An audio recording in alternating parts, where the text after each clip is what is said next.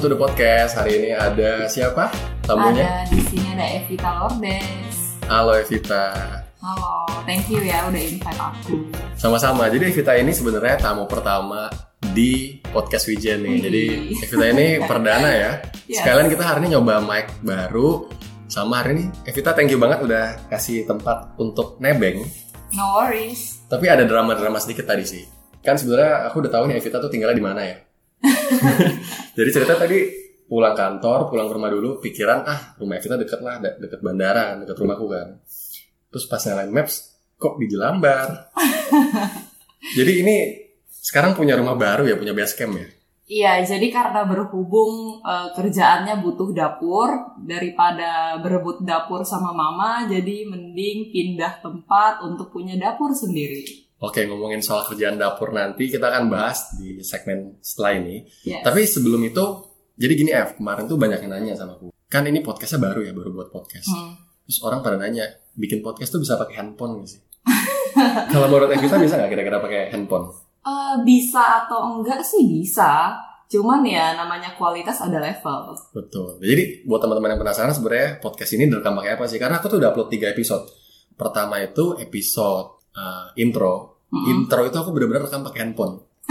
Jadi pertama kali upload intro itu tujuannya uh, bikin motivasi diri harus bikin podcast. Ah, ah.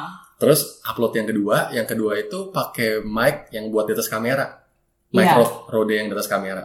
Hari ini perdana nih benar-benar udah full kit kita pakai alat-alat. Tapi teman-teman pasti pada jiper kalau bilang pakai alat-alat ribet segala macam ya karena untuk Iya. setting ini butuh waktu tadi hampir satu jam. Jadi nggak apa-apa teman-teman kalau mau podcast itu ada namanya anchor.fm. Mm-mm. Anchor.fm itu anak Oke. perusahaannya Spotify.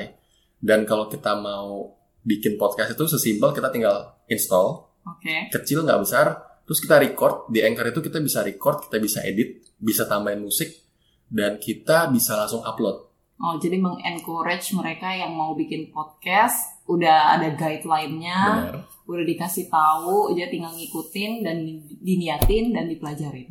Dan hebatnya Anchor ini gratis all free Wow. dan yang lebih gokil lagi kalau kita upload pakai Anchor mereka bisa langsung push ke lebih dari 10 platform salah satunya Spotify Oh, ada Apple Podcast, Google Podcast. Jadi kita cukup upload di Anchor, entah gimana caranya podcast kita itu bisa didengarin di 10 platform lebih.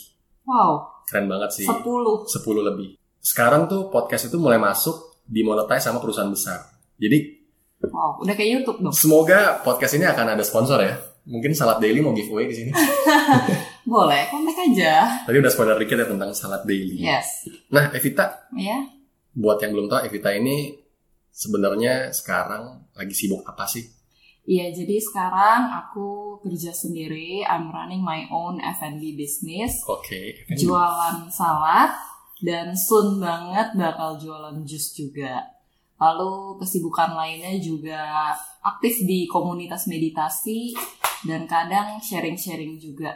Setahu aku ya waktu dulu pertama kali kenal Evita ini, Evita ini belum jualan salad ya. ya belum. belum. Pertama kali ketemu nih, itu 2000 berapa sih? 2017, 17, 18? 17, 18 ya? Mungkin akhir 2017 atau 18 Iya. ya. Waktu itu kita ceritanya lagi nyari uh, narasumber heeh. perempuan inspiratif. Terus dapat rekomen. Dulu Evita kalau nggak salah masih kuliah di UPH ya. Dulu dulu udah udah lulus Oh, sih. udah lulus sebenarnya. Jadi kita tahunya itu Evita itu dulu adalah uh, salah satu Cici Jakarta ya. Ah, iya, salah satu finalisnya. Oh, kayaknya nggak nyampe finalis doang, lebih malah ya. Eh, iya di bagian pemenangnya ada Ya, tapi nggak kita- sampai juara satu tapi di bagian top 7-nya aku masuk Oke, top 7 dan favorit ya, sempat masuk favorit. yes betul Di tahun 2000 tahun 2017 keren banget. Dan itu harus bisa Thank bahasa you. Mandarin. sebenarnya enggak enggak harus cuman kalau bisa Mandarin itu jadi poin plus Poin plus bahasa Mandarin. Soalnya banyak teman gue sebenarnya ikut oh dulu dari UMN tuh banyak dan sempat tahun oh iya iya berapa? banyak dari tahun UMN berapa tuh kayaknya UMN eh, nggak pernah putus buat kirim. iya benar banyak banget Finalis. finalis Banyak yang banget dari UMN masuk Kayaknya sih pengen ikutan tapi nggak punya bakat apa-apa waktu itu. padahal bisa loh Jiper aja ya. Terus nggak punya uang banyak. Wow Temennya nggak banyak. Oke, nah abis itu ketemu Evita kedua kali. Evita itu lagi sibuk kalau nggak salah yang mana ya reporter lagi yang di PDR. Hmm, maybe ya. Tapi Evita tuh dulu setelah jadi Cici Jakarta Iya.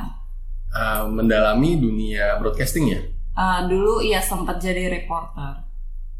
di salah satu stasiun TV. Yes, betul. Itu ngeliput apa aja sih di saat itu? Eh, yang waktu itu jadi reporter ini khusus untuk ngeliput eh, para filantropis. Jadi para Oke. filantropis ini adalah orang-orang yang berjiwa besar dan berhati besar membantu orang-orang lain. Eh, contohnya kayak social entrepreneur gitu. Itu dari Indonesia atau Yes. yang dari luar juga bisa diliput. Kita cakupannya Indonesia sih. Dan sekarang udah nggak jadi reporter. Sekarang jadi penjual salad. Oke. Kenapa? Jadi ya buat yang belum tahu Evita ini kalau nggak salah lulusan HI, hubungan Iya. internasional. Oh, internasional. di mana orang HI itu biasa jadi duta besar. Goalsnya ya, goals sebenarnya duta besar. Atau kerja di kedutaan mungkin seperti Iya, itu. benar. Nah, terus jadi reporter. Di saat semua perempuan mungkin pingin kerja di tempat yang adem, tapi Evita memutuskan untuk terjun ke lapangan. Kenapa bisa seperti itu? Dan sekarang Evita punya Jual brand salad. sendiri entrepreneur yaitu Salad Dot Salad daily. Salad Daily. Salad Daily, maaf ya, maaf ya. Salad Daily. Iya. Jadi sebenarnya sih eh, aku bukan penganut yang percaya bahwa kerjaan itu harus sesuai dengan jurusan kuliah pertama. Jadi dulu kuliah juga sebenarnya nggak 100% yakin ke depannya mau jadi apa, tapi cukup tertarik dengan isu-isu internasional. Makanya pilih hubungan internasional. Lalu kerjaan pertama kebetulan eh, apply-nya lebih dari satu dan yang diterima paling pertama adalah jadi reporter. Karena sebenarnya tertarik juga untuk jadi news anchor waktu itu Oke, tapi dan diterima Diterimanya jadi reporter. reporter. Ya, jadi waktu itu pikirnya sebagai batu loncatan lah ya. Tapi along the way berjalannya waktu eh, kayaknya enggak. Akhirnya sekarang eh, jadilah salad daily. kenapa Evita bisa bilang seiring berjalan waktu reporter itu bukan hal yang cocok? sebenarnya nggak ada alasan khusus ya cuman ya gimana ya enggak aja gitu tiba-tiba mungkin mungkin eh, salah sih sebenarnya ini agak internal ya Oke, Masa- oke. Nanti nanti kita offline ya, nanti kita offline. Tapi berapa lama sih di station TV itu? nggak lama sih cuma kayak empat bulan Empat bulan, tapi Hmm. udah ngeliput banyak, cukup banyak. udah cukup banyak liputan Oke, boleh sebut nggak nama station TV-nya apa? Nanti kalau ini kita sensor aja. tidak Nggak mau? Penasaran dong, pengen disensor loh? Nggak usah. jangan jangan. Oke. Tapi sampai sekarang station TV masih ada kan? masih ada Masih ada ya. Dan semakin baik apa gimana? Eh, semakin baik lah ya Oke, takut ya ada yang mendengar ya. Tuh, takut lupa sensor ya. Nah, sekarang kan Evita lagi bisnis salad daily. Ha-ha. Udah ada berapa store sekarang? Eh, so far kita masih jualan online. Kita lagi cari mau buka offline store, tapi sekarang masih memperkuat dulu online-nya. Kemarin bukannya sempat ada offline store. Iya, cuman waktu itu nggak cocok. Jadi akhirnya close down dan mutusin untuk fokus di yang online dulu. Berapa lama sempat ada offline store? Kayaknya sempat lihat di IG uh, foto-foto booth-nya di di salah satu mall di Jakarta ya. Lama sih itu. Kayak paling sebulan. Dan kemarin kayaknya mall tersebut ya, itu sempat ada kasus ya yang katanya Apa? objek ini belum melunasi pajak. Jadi sempat masuk di berita mall Oh. itu tuh ditempel-tempel sama stiker sama orang pajak Wow, karena nunggak pajak. Wow. Nggak, dan waktu itu buka satu bulan doang di mall, sewanya bisa per bulan. Atau Oh. udah bayar setahun, Ini waktu itu kebetulan joinan sama temen sih dan kebetulan eh, bukan aku yang bayar. Oke, oke, oke. Berarti sekarang uh, pingin kuatin di online. Iya benar. Hmm, online itu dengan cara jual di mana di medsos atau ada endorse endorse orang? Eh, gabungan semuanya. Jadi emang kita jualannya lewat Instagram Oke. mainly. Lalu ordernya bisa lewat Instagram juga, bisa lewat WhatsApp dan endorse ya termasuk salah satu strategi marketing. Buat teman-teman yang belum tahu IG-nya tadi bisa di follow di at At saladdaily.id. ada menu apa nggak sih yang menarik? Karena kan kalau orang ngomongin salad nih, biasa tuh salad itu identik Hmm. macam-macam sayuran Mm-mm. pakai mayones. Iya. Nah, terus kalau misalkan nih ada orang yang nggak suka makan sayur, Hah? ada nggak cara atau yang dilakukan salad daily biar orang tersebut ya minimal dia bisa makan beberapa macam lah gitu. Jadi sebenarnya udah ada beberapa orang yang bilang dia tuh anti banget makan sayur, dia nggak suka banget makan sayur, tapi dia habis pas makan salad dari salad daily ini. Dan sebenarnya apa yang membedakan salad daily ini mungkin lebih ke kita ini menjadi opsi untuk orang yang ingin makan sehat tapi kantongnya nggak jebol. Jadi kita bisa lihat kalau misalkan merek-merek salad yang terkenal di sana, salad salad X ya, oh, William Kitchen, William Kitchen. ya itu salad-salad yang lain mungkin uh, sering banget orang tuh mengeluh, aduh, gue mau makan sehat tapi hmm. mahal. Nah jadi uh, aku mikir salad daily ini datang sebagai solusi hmm. untuk orang-orang yang mau makan sehat dan tetap uh, tidak mahal. Kenapa harus salad?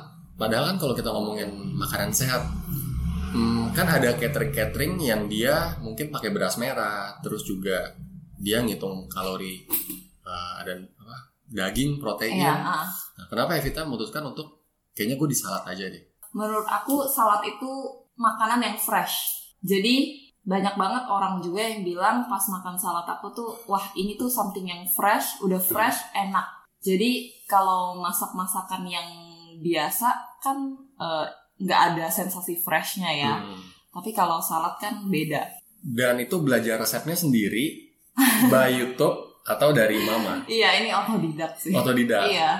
Oke, sampai sekarang tuh udah ada empat menu ya? Uh, lima. Oke, udah lima. Karena iya. aku cek di IG itu kan ada yang meatless, iya. nggak ada daging ya, iya, nggak iya. pakai daging. Terus yang kedua ada chicken, yes. chicken. Yang ketiga ada tuna, uh -huh. ada fusilinya, dan yang terakhir aku cek tuh ada udang. Benar. Under the stream. Nah, yang kelima ini apa? Yang kelima ini namanya nati tropik. Jadi ini ada combine kacang, kacang-kacangan, ayam rebus yang dikasih lemon. Dari lima menu tadi, menu mana sih yang paling best seller dan kenapa? So far yang paling best seller itu yang chick Caesar, yang ayam. Mungkin karena itu daging yang paling populer ya, yang paling orang-orang biasanya suka. Mungkin juga kalau aku, aku jujur belum pernah pesan, tapi aku akan pesan minggu depan. Dan Yay. dan memang sih kayaknya untuk film pertama aku akan coba yang ayam dulu. Iya. karena karena jujur nih, aku tuh kalau pergi makan salad itu cuma ada dua salad yang enak pun. Hmm. Satu tuh salad di restoran pizza. Dan itu pasti nggak ambil sayur. Pasti oh. ngambil telur, kentang. Ya teman-teman tahu lah kalau ke pizza. Iya ya, itu. Pizza Hut. itu kalau ngambil salad yang dibanyakin kentang, telur. Iya iya. Berapa Jadi... orang berapa orang yang ngambil red bean di situ? Berapa orang yang ambil selada? Iya. Dan mayones sampai tumpah-tumpah kan. Oke. Okay. Dan satu lagi salad yang aku suka itu kalau kita lagi makan di restoran Jepang. Oh. Jadi aku tuh pencinta sashimi. Sashimi. Jadi selama salad itu ada sashimi dan pakai mayonesnya yang kalau kita makan di Kintan, iya. Ada sisem, sisem. Sisem, ya, ya, ya. Nah, kalau di salad daily sendiri mayonesnya ada sisem. Ada, dan okay. itu juga yang paling favorit. Pasti aku pesannya pakai sisem, pasti. Nah, Evita. Yes. Kan memang sih makan sayuran itu makan salad lebih sehat ya. Mm. Jauh lebih sehat tapi kayaknya orang Indonesia itu masih sedikit nggak sih yang makan kayak gitu dan banyak sebenarnya usaha-usaha yang dia jualan konsepnya bagus makan sehat hmm, dia bisa bikin paket catering oh, makan iya. pagi siang malam subscription gitu ya bisa seperti itu tapi kayaknya banyak yang tumbang nggak sih di tengah jalan oh aku baru pernah denger sih jujur kalau dari kita sendiri seberapa yakin sih kira-kira dengan konsep mm -mm. hidup sehat terus tadi kan harganya juga memang pas aku cek itu setengahnya sih dari yang biasa cobain di mall ya. Yes. Maksudnya seberapa yakin sih dengan konsep ini, dengan harga ini, orang ini akan moving nih. Orangnya akan switch dari yang tadinya makannya agak junk food. Dia bisa mungkin selingin lah seminggu sekali, satu hari sekali untuk makan yang sehat seperti ini.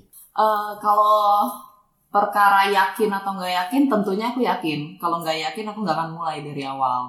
Nah, sebenarnya menurut aku sendiri, jujur nih, aku sendiri aja bukan pecinta sayur. Oke. Okay. Aku bukan pecinta sayur, tapi aku makan salad sendiri, aku pun mau. Dulu aku sayur apa pun tuh sebenarnya anti, hanya sang, hanya paling cuma kayak satu jenis sayur yang aku mau makan. Itu pun nggak setiap hari. Dan udah banyak orang yang bilang ke aku, biarpun dia nggak suka sayur nih ya, tapi dia suka pas makan salad dari salad daily ini. Dan aku yakin banget makin ke depannya orang ini makin teredukasi dan makin tahu kalau misalkan kesehatan itu sebenarnya kunci. Mau harta sebanyak apa pun, Yes. mau prestasi setinggi apa pun, kalau badan ini pada akhirnya tidak bisa berfungsi, nggak ada lagi nilainya. Jadi harusnya orang tuh makin lama makin ngerti kalau kesehatan itu adalah prioritas. Dan sekarang ini sebenarnya isu kesehatan tuh lagi kencang banget ya. Mm-mm. Dari akhir tahun kita dibombardir sama berita virus corona Oh iya. yang sampai sekarang sampai hari ini nih, ini tanggal 21 Februari Hah. udah ada 2000 orang yang meninggal. Oh, oke. Dan di beritanya baru-baru ini uh, salah satu dokter umur 29 tahun juga meninggal. Kalau dulu kan awal-awal Oh, Februari awal Januari itu uh, pasien yang meninggal itu 3% rasionya dan yang meninggal itu rata-rata orang yang sudah punya penyakit sebelumnya iya. atau yang di atas 60 tahun. Oh, Tapi belakangan ini mulai uh, yang umur 29, umur 30 something itu ada yang korbannya. Bukannya katanya kalau sehat akan susah ya terkena virusnya? Ya iya sih, itu kan yang muncul di media kan. Dan Iya. kemarin ada berita lucu, Indonesia kan masih zero accident sampai sekarang. Yes. Bahkan WNI yang di Singapura dikabarkan sembuh. Jadi ini lucu nih. Sampai di Kumparan atau di Opini itu WHO bilang, saya khawatir Indonesia ini tidak bisa mendetek memastikan 100% Iya ya. orang ini udah kena corona atau belum. Padahal kalau lihat mapnya itu Malaysia udah, Singapura udah, Australia udah, Indonesia masih zero. Iya. Kan hebat tanya ya. Kita hebat ya. Selain banyak berdoa juga mungkin kita sudah dibombardir sama bakteri-bakteri, virus-virus yang Lebih kuat. parah ya. Mungkin memang corona zero ya, tapi gagal ginjal banyak ya di di kita ya. Oke, jadi tadi itu tentang salad daily, tentang kenapa makan sayuran, kenapa ah, badan penting itu sehat ya. Hmm, Aku pengen nanya, Evita boleh jawab jujur ya. Berapa model yang pertama kali dikeluarin Oke. untuk buka salad daily? Eh, ini maksudnya modal total sampai sekarang. Modal awal. Modal awal mungkin sekitar 10 juta Oke, itu buat beli apa aja? 10 juta itu. buat beli peralatan masak, buat beli kulkas, buat beli bahan-bahan, box, packaging. Itu sampai 10 juta. Iya, Dan kan salad itu sebenarnya sayuran yang lifetime-nya cepet. iya. Berapa lama sih kira-kira sayuran untuk di kulkas? Beberapa sayur sih emang cepet banget kayak mungkin 2-3 hari, tapi beberapa juga ada yang bisa di-keep kalau misalkan daging Hmm. itu mungkin bisa sampai sebulan. Nah, berarti sejauh ini wasted-nya lumayan besar nggak? Lumayan besar. Karena pas awal masih belum bisa memperkirakan nih kira-kira sayuran ini bisa ditahan berapa lama. Sayuran ini kalau karena beda teknik masak pun dia ketahanan lamanya juga berbeda. Oh, itu mempengaruhi ya? Mm-mm. Nggak, memang sayuran itu harus dimasak kayak gimana sih? Bukan katanya sayuran yang bagus itu biar vitaminnya nggak hilang, dia nggak boleh dimasak ya? Sayurnya sendiri nggak dimasak, Oke. cuman eh, kayak dagingnya, Hmm. lalu beberapa biji-bijian seperti edamame. Oh, ada mamanya juga ya? Iya, itu kan eh, itu gimana nih kira-kira apakah jangan direbus dulu, apa direbus dulu baru di store di kulkas. Jadi itu banyak trial and error, jadi waste-nya cukup banyak. Tapi sekarang salad daily itu udah setahun, dua tahun. Belum. Masih baru banget. Kita baru mulai Oktober 2019. Berarti baru jalan 5 bulan. Kalau ngelihat lima bulan ini, eh, seberapa yakin Evita? Eh, sekarang pun masih proses pembangunan ya istilahnya. Hmm. Tapi soal yakin pastinya yakin. Kalau ditanya berapa ya 100. 100%. Oke, jadi 100% ya, yakinnya 100% ya. Ya. Oke. Evita, kan kamu kuliahnya tadi HI. HI, Nah, terus sempat ikut pageant Koko Cici Jakarta. Iya. Terus sempat ngerasain dunia broadcasting, jadi Betul. reporter. Terus sekarang banting setir eh, bisnis, bisnis salad. Memang selama ini yang dilakukan sebelum bisnis salad ini nggak memfulfill kemauan Evita ya, cita-citanya ya. Kenapa sampai harus mencoba sebanyak itu untuk sampai sekarang di momen di mana ah gue bisnis. Sebenarnya emang dari dulu udah pengen punya bisnis. Hmm. Nah, cuman mungkin karena dulu belum ada keberanian yang besar untuk memulai, jadinya diundur-undur terus dan sebenarnya bukan karena necessarily nggak terfulfill sih Hmm. tapi melihat apa peluang yang ada di depan gitu jadi emang at the moment apa yang bisa dilakukan itu yang diambil Oke, tapi orang tua sendiri ada komen nggak? Kan ceritanya udah kuliah nih, Hmm. HI kan. Mungkin orang tua ada ekspektasi apa? Tiba-tiba Evita sekarang banting setir uh, untuk bisnis salad daily ini. Untungnya eh, nggak ada komen negatif sih. Jadi orang tua juga pikirannya cukup terbuka. Jadi apa pun yang dilakukan selama itu positif selalu disupport. Uh, Kira-kira nih, dari tadi kan kita udah ngomongin tentang hidup sehat, terus tentang bagaimana Evita memulai bisnis ini kan, sebenarnya kan bisnis ini kan. Jujur, aku tuh juga dari dulu tuh pingin punya bisnis F&B dari Oh. dulu, karena suka makan, terus dulu nyoba-nyoba uh, review-review ala-ala gitu dulu. food blogger Ada IG, ada IG-nya namanya at si suka jalan tuh. Tapi sekarang udah di, diaktif, udah diaktif. Jadi dulu tuh suka uh, foto-foto makan, makan-makan segala macam. Cuma at the end uh, hal itu nggak bisa konsisten sampai sekarang Iya karena gampang ke distract. Buat aktivitas sendiri, gimana cara menjaga konsistensi ini? Kan salad daily baru lima bulan nih. Eh, sebenarnya emang kalau kerja sendiri tantangan terberatnya adalah persistence. Iya. Gimana cara terus bekerja ketika tidak ada yang mantau.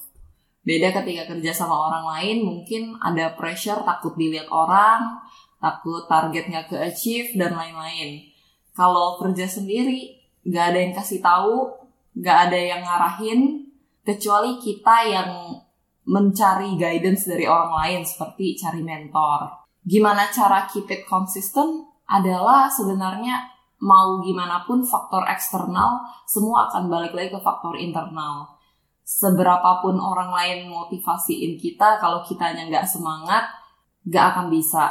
Tapi yang pasti ada 3P yang selalu harus dijaga. Pertama, passion, kedua purpose, dan ketiga persistence make sure kalau apa yang kita lakuin adalah passion kita. Yang kedua, apa sih tujuan dari passion yang kita lakukan? Dan baru yang ketiga, kalau yang dua-duanya ini sudah terfulfill, kita harus push diri kita untuk selalu persisten di apa yang kita lakuin supaya purpose kita bisa tercapai. Jadi ada tiga P tadi yang pertama Passion, passion, purpose, dan persistence. konsisten. Aku setuju sih. Dan tadi kita kan sempat ngobrol ya, F ya. Yes. Sebelum tag ini kita ngobrol. Evita itu sekarang lagi aktif-aktifnya sharing juga. Ah, ya.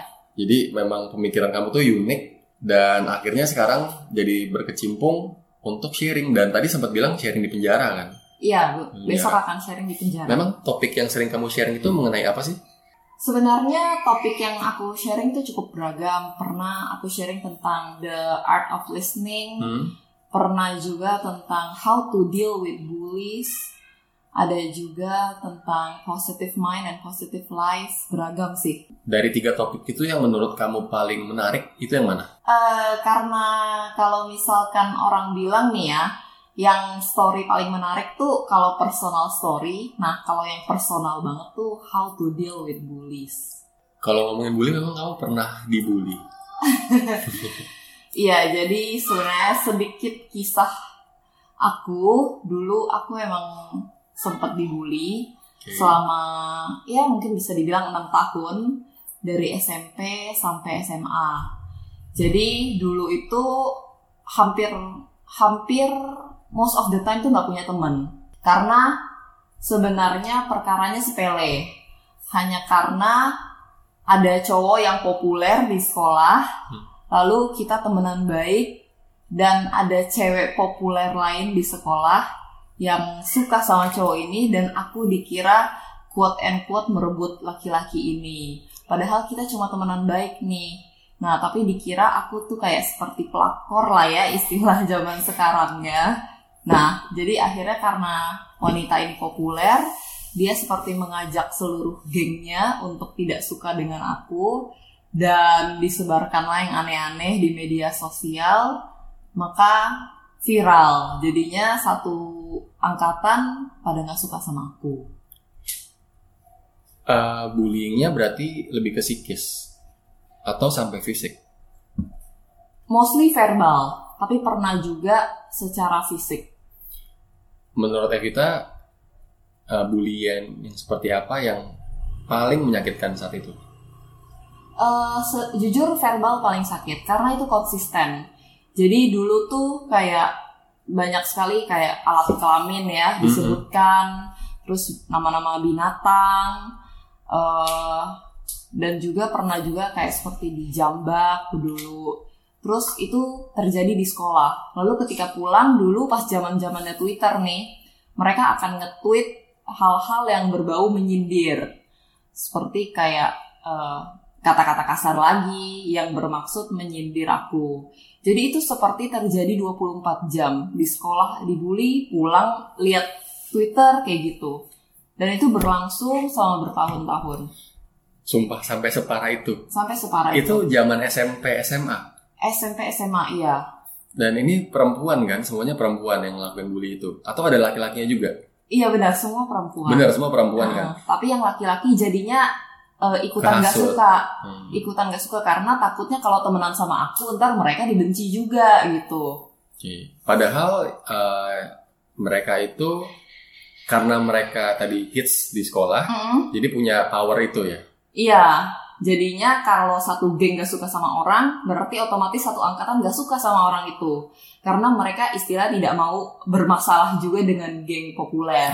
Emang dulu Evita di sekolah itu nggak ada geng-geng lain. Mungkin kan kita bisa lawan dengan geng yang lain gitu kan, kita join.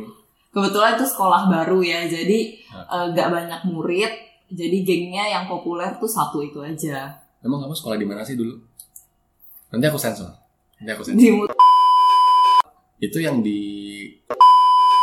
iya, di deket. Oh my god. Padahal aku pikir eh, itu sekolah yang cukup baik loh. Oh, Dibanding sekolahku ya, dibanding sekolahku ya. Jadi tadi akan aku sensor. Eh, aku nggak nyangka sih sekolah itu akan separah itu ya zaman SMP SMA ya. mm-mm. Nggak, dan itu kan kejadian 6 tahun SMP SMA. iya. Di momen apa itu parah banget menurut Evita tuh parah banget. Parahnya itu justru pas 3 SMA. Jadi pas 3 SMA itu sempat kita ada eh, pergi retret seperti kayak ke luar kota ke Bali. Terus jadi long story short aku kayak dituduh istilahnya kayak tidur sama salah satu cowok terus disebar ke media sosial. Jadi orang-orang kiranya aku boleh nggak sih ngomong kasar? Nggak apa-apa nanti aku sensor. Oh iya, jadi kayak mereka tuh kayak bilang aku tuh lah gitu, terus kayak karena eh, dibilangnya aku tidur sama cowok ini, padahal aku nggak ngapa-ngapain. Tapi emang karena kebetulan kamarnya selantai, lalu disebarkanlah isu bahwa aku ke kamar dia atau dia ke kamar aku dan kita tidur bareng dan akhirnya disebarkanlah di Twitter dan pet. Sumpah, Iya. anak SMA 3 bisa ngelakuin hal kayak gitu. Iya. Ini perempuan loh. perempuan. Jadi dulu Oh tuh God. aku kira nanti beranjak ke SMA drama ini akan semakin pudar ya. Tapi justru malah makin parah gitu. Malah pernah juga kayak dulu misalkan conference call itu kayak misalkan 6 lawan satu gitu. Satunya aku. Terus di selama di telepon itu let's say satu jam itu cuma dikata-katain doang. Kata-katain binatang lah, alat kelamin lah. eh, nggak kata-kata seperti kayak nggak tahu malu, nggak tahu diri dan bla bla bla seterusnya. Itu terus constantly. Dan menariknya ada satu temen nih ya. Satu temen dia chattingan sama aku. Dia bilang katanya iya nggak apa-apa kita call conference call aja nih.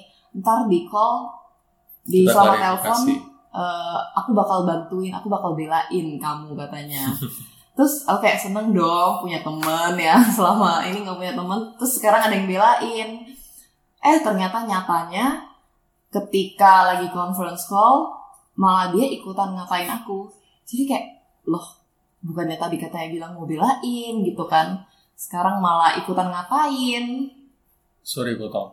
Memang tujuan pertama kali conference call itu untuk apa? Kan itu orang-orang yang kita udah tahu kan yang kayak tadi ya. Iya, ya lupa juga sih sebenarnya intensi awalnya apa, tapi ya namanya juga masih bocah ya, kayaknya masih SMP 1. Jadi kayak di dilabrak dikit ya udah ngikutin aja gitu. Tapi sampai sekarang eh, kamu masih keep kontak sama pelaku-pelaku tadi. Sekarang sih ya fine fine aja sih karena jujur aku nggak nggak ada rasa dendam sedikit pun. Dan sekarang kalau kamu lihat, eh, kamu follow IG-nya mereka. Follow. Oke. Apa yang kamu lihat dari eh, perubahan mereka? Apa ada yang berubah atau masih sama aja sebenarnya? eh mungkin kalau dulu tuh lebih karena terbawa suasana sebagai eh, ABG yang Ya. ingin menonjol Aktualisasi diri. Iya, jadi mereka kira kalau membuli itu sesuatu yang bisa membuat mereka jadi stand out gitu. Tapi sekarang ya kelihatan lah mereka udah nggak ngurusin hal-hal seperti itu lagi. Tapi emang kayak dulu tuh sebenarnya cukup parah sih. Jadi apa pun yang aku lakukan di sekolah tuh akan jadi perkara gitu. Jadi dulu lucu juga sempat ada kelas meeting di mana kita main basket nih lawan antar kelas, Hmm. Lawan antar kelas. Terus kebetulan di detik-detik terakhir aku cetak 3 point. Oke. Nah, cetak 3 point menang tim aku. Nah, karena itu akhirnya dipermasalahkan. Katanya dibilang aku curang lah, aku eh, apa lagi ada di apa sih namanya yang zona yang nggak boleh shoot tuh? Iya, itu. Iya itu intinya aku Oke. tuh dibilangnya curang. Oke, oke. Akhirnya ah, aku pun dipanggil ke ruang guru dan disidang. Sumpah, gara-gara Iya. kelas meeting nyetak kemenangan Mm-mm. dipanggil. Mm. Enggak, memang, memang mereka itu tim lawan. Tim lawan. Oh, bukan teman sekelas.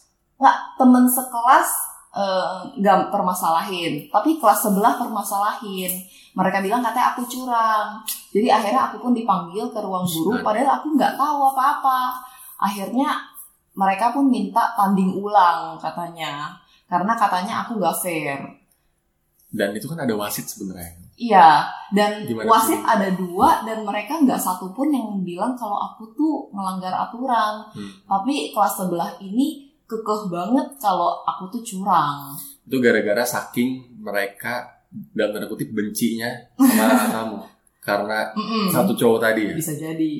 Oke. Tapi cowoknya sendiri Mm-mm. itu gimana? Cowoknya sendiri ya fine fine aja, cuman mungkin memang dia nggak berani ngomong Hmm. sama aku kalau lagi ada mereka gitu. Karena emang ini sebenarnya hitungannya lumayan parah sih. Hmm. misalkan kayak aku datang ke kelas jadi dulu kan meja nih ada kolongnya ya yang tempat bisa taruh buku Iya, ada raknya kecil ya. iya jadi kalau misalkan aku datang ke kelas Hmm. itu kalau aku lihat rak aku itu isinya udah sampah semua Hmm. jadi mereka udah tahu aku bakal duduk di mana dan mereka udah fill kolongnya ini dengan sampah gitu Sumpah gue jadi kesel banget ya. Sumpah gue gue kesel banget. Aduh, boleh nggak kita bikin second account kita kita kita kata-katain ya. Tapi jujur sih, Evita nggak ngerasa dendam sama sekali. Enggak, enggak at all sama sekali enggak ngerasa dendam. Justru sekarang eh, aku jadi lebih value pertemanan. Karena dulu mungkin merasa kayaknya nggak ada teman, jadi sekarang ada teman itu aku lebih bisa menghargai. Dan at the end aku nggak ngerasa kalau eh, periode di mana aku dibully ini adalah jadi sesuatu yang buruk atau negatif gitu. Tapi justru ini jadi pembelajaran yang luar biasa yang di mana sekarang aku jadi lebih mengerti kenapa orang tuh bisa bertindak seperti ini. Kenapa eh, orang tuh bully yang lain. Sebenarnya kan bukan karena dia jahat tapi karena dia mungkin kemungkinan besar adalah dijahatin gitu makanya dia memproyekkan kebencian dia kesedihan dan kekecewaannya ke orang lain dengan cara bully Aku setuju sih. Jadi dulu tuh memang aku salah satu anak yang agak sedikit bandel, tapi sedikit aja nggak banyak. Eh, banyak teman-teman di sekolah itu yang bandel dengan cara ngebully orang Heeh. karena eh, mungkin mereka nggak dapat perhatian itu di rumah. Heeh. Jadi saat di mana mereka bisa menunjukkan eksistensinya adalah di sekolah Yes. ke teman-temannya yang mengagumi mereka dan Mm. caranya gimana mereka ngebully orang yang lebih lemah Mm-mm. ya seperti itu entah yang fisiknya lebih lemah atau yang mungkin uh, mentalnya lebih lemah gitu jadi memang bully ini mungkin dari dari TK kali ya dari TK SD itu Oh. sebenarnya udah udah bisa kejadian oh iya. kalau dulu kan zamannya manggil nama orang tua kan Iya. iya. manggil nama orang tua nangis gitu kan lapor guru kena panggilan gitu kan aku nggak tahu kalau sekarang masih nggak sih zaman panggil orang tua tapi jujur ya aku nggak nggak tahu sih sama sekali tentang bully perempuan kayak yang kita cerita tadi Hmm. tapi kalau bully laki-laki itu biasa lebih ke fisik Oh iya lebih iya. ke fisik Eh, ya kita di starter lah Iya. you know it kan di Iya. starter lah di di Ditimpa ya, bugilin, di- dibugilin ya Oh. di, di main smackdown dan lain-lain sih. Tapi aku nggak nyangka ternyata bully perempuan itu menurutku ya fisik itu bisa recover, bisa Mm-mm. sembuh. Tapi kalau udah yang kasus kayak tadi sampai bikin fitnah sampai segala macam, jujur kok, jujur itu menurut aku tuh bekasnya parah banget sih Mm-mm. besar banget dan kalau mereka sekarang biasa-biasa aja menurutku mereka punya rasa bersalah yang besar punya rasa bersalah yang besar Mm, Mungkin. menurutku tapi em, kalau dengar cerita kamu tadi jujur sih aku aku kesel banget sih kesel banget nggak pernah nggak pernah tahu karena aku juga punya adik perempuan dan aku nggak tahu Oh. apa yang dialamin Iya iya. Dan emang saat itu juga nggak ada yang tahu karena aku nggak cerita juga ke orang tua. Cuman kebetulan ada satu guru yang eh, notice kalau misalkan aku nih kok kayaknya nggak ada temen di sekolah. Jadi kayak misalkan ya dibagi kertas ujian. Kalau bagi kertas ujian kan ya udah bagi aja seperti biasa kan. Nah kalau dulu pas aku tuh dibagiin kertas atau dibagiin tugas, dibagiin apa pun, orang yang ngebagiin ini pernah nih sekali dia bagiin tapi dia hadap belakang dulu jadi dia munggungin aku dan tangannya ini kasih kertasnya ke arah aku Hmm. nah jadi kayak ngasihnya tuh lewat belakang gitu dan alhasil kertasnya jatuh jadi Hmm. ya udah aku yang pungutin pernah juga dulu pas tugas bahasa Indonesia harus perform di depan. Bayangin aja harus perform di depan dengan kondisi nggak ada teman. Jadi itu tuh rasanya tuh jujur awkward banget dulu. Udah selesai drama waktu itu drama dan pas udah selesai gak ada yang tepuk tangan.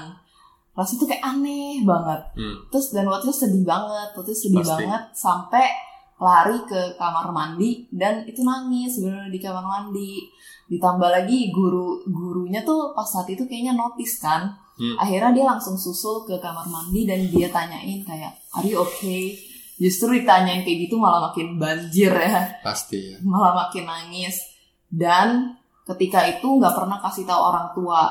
Karena dulu nggak ada yang kasih tahu kalau ini tuh sebenarnya kasus bully dan nggak seharusnya ini terjadi. Jadi yang di pikiran aku waktu itu adalah aku yang salah.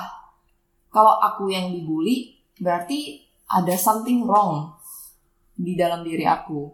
Berarti kalau aku kasih tahu orang itu seperti aib. Sepertinya kayaknya aku yang malu kalau aku yang cerita. Jadi lebih baik aku keep ke diri aku sendiri. Dan gak ada yang kasih tahu aku gimana aku harus bertindak gimana aku harus eh, beraksi gitu loh. Jadi lebih ke memendam semuanya sendiri. Dan di zaman dulu kalau kita cerita hal ini ke orang lain kita tuh dicap sebenarnya pengecut tukang ngadu tukang lapor iya kan? benar. Dan karena jumlah mereka sebenarnya jumlah mereka nggak lebih banyak tapi karena mereka berani speak up Mm-mm. kesannya mereka itu lebih dominan. Iya. Sehingga benar-benar kita di posisi kita udah jadi victim udah jadi korban terus kalau kita ngomong kita pengecut Mm-mm. kita ngadu. Dan itu sebenarnya ngaruh sih sampai kalau ke mental orang setelah dewasa sebenarnya. Iya, emang sebenarnya untuk beberapa tahun itu cukup ngaruh di mental, cukup ngaruh di kayak level percaya diri. Tapi semakin lama karena semakin mengerti, semakin belajar, justru kan eh, kalau kayak orang bilang orang yang biasanya go through pain itu belajar begitu banyak. Aku kayaknya setuju sih dengan itu.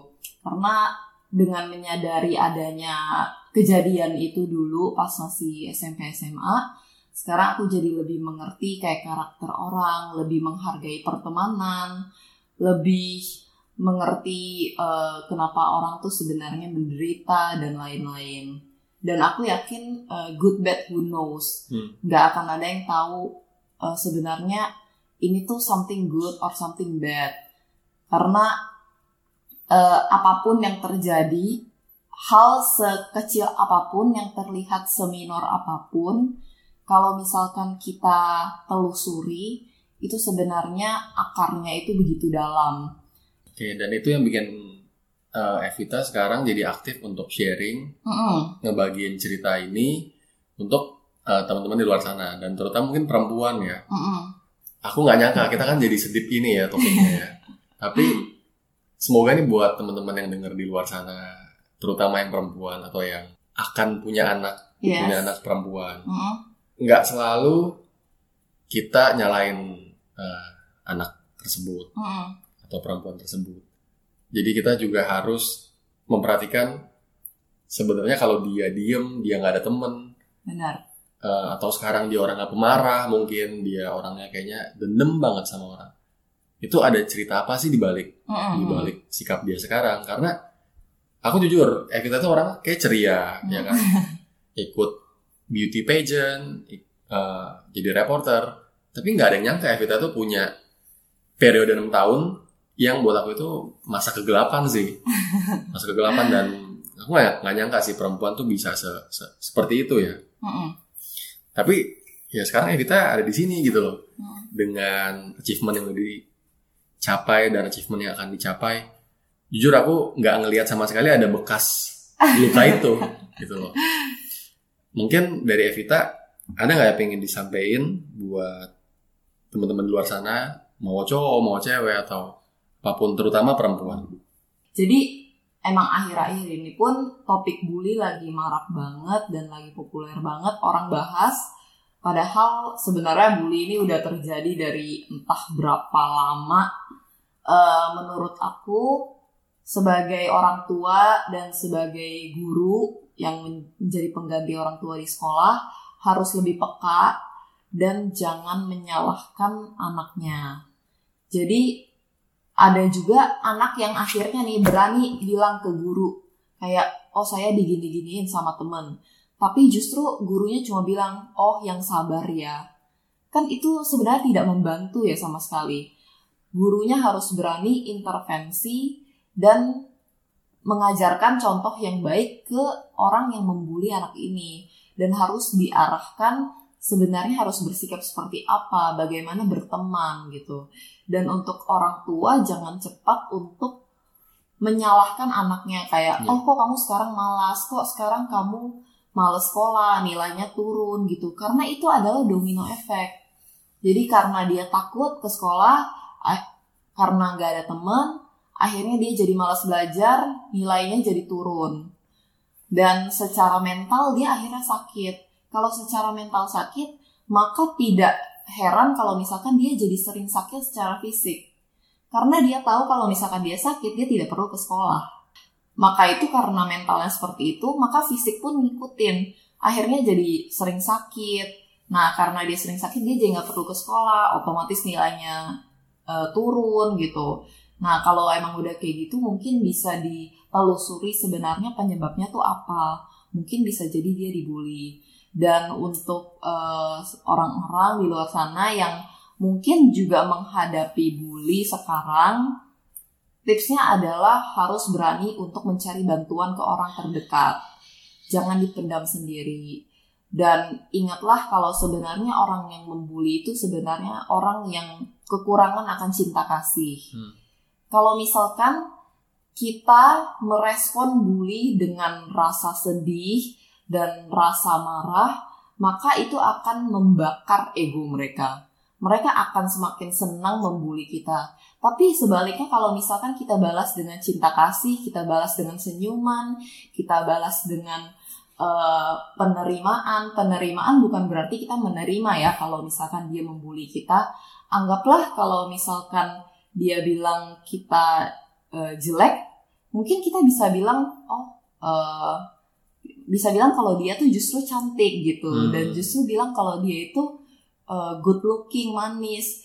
Mungkin yang bully ini akan diam karena dia bingung. Ini adalah respon yang tidak biasa. Respon yang aneh ya. Iya, jadi sebenarnya justru respon yang disertai dan didasari dengan cinta kasih ini akan membuat si bully ini justru malah merasa heran dan lama-lama tuh males dan justru bisa eh, berbalik menjadi justru temenan sama orang yang dia bully ini.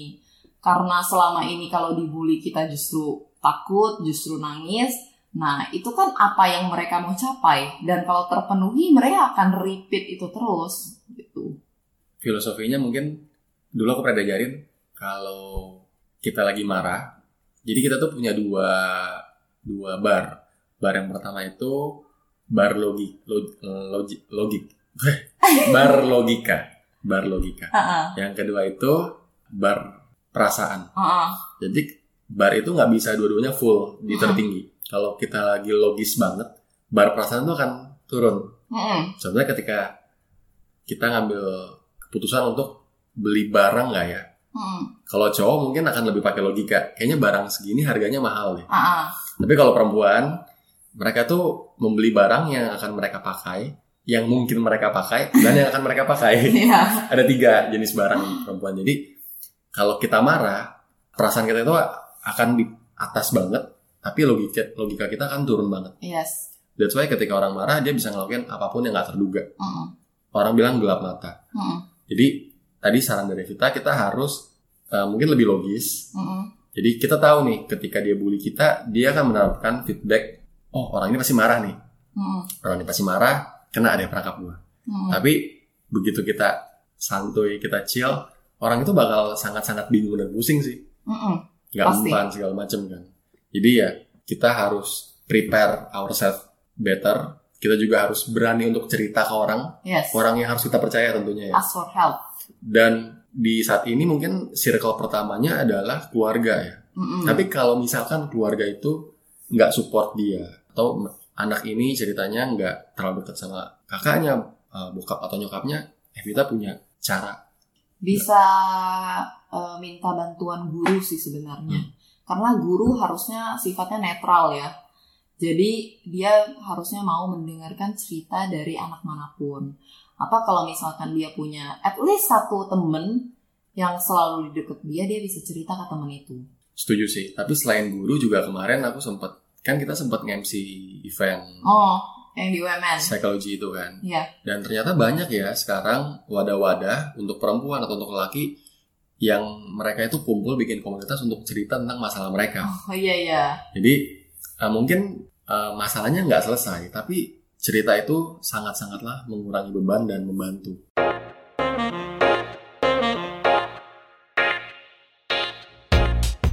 Oke Vita, uh, aku ada sedikit pertanyaan. Kamu harus jawab dengan cepat. Oke. Jadi di sini ya. ada 10 pertanyaan. Kamu jawab dengan cepat ya. Oh no. Ini ringan ke pertanyaannya. Oh iya iya. Nomor satu, Yes. saya lebih baik nggak pakai alis atau nggak pakai bedak. Nggak pakai bedak. Ya. Kedua, saya lebih baik menjadi wanita karir atau wanita perumah tangga. Wanita karir, Wanita karir. Saya lebih suka nonton film horor atau komedi. komedi, Saya lebih suka makan mie kuah atau goreng. mikua, Jika saya punya peliharaan, saya lebih suka memelihara anjing atau kucing. anjing. Pilihlah satu dari dua hal ini. Yang pertama, sukses di karir tapi gagal di asmara. Atau yang kedua, sukses di asmara tapi gagal di karir. Eh berat. Which one better for you? Eh, sukses di asmara. Oke, sukses di asmara. Jadi aku akan sebut uh, satu kata. Kamu tolong lanjutin ya. Mm-mm. Perempuan Tangguh, tangguh. Berhasil pasti. pasti. Keluarga susah. susah. Oke, yang terakhir. Saya Kok yang kepikiran saya Evita ya? Oke, gak apa-apa, gak apa-apa. Saya Evita, gak apa-apa. Itu namanya eksistensi diri ya. Oke, Evita, thank you banget. Thank you udah sharing Amen, banyak. Thank you. Masih banyak sih sebenarnya yang aku pengen bahas Hmm. tentang bullying tadi di next episode ya kita Yes.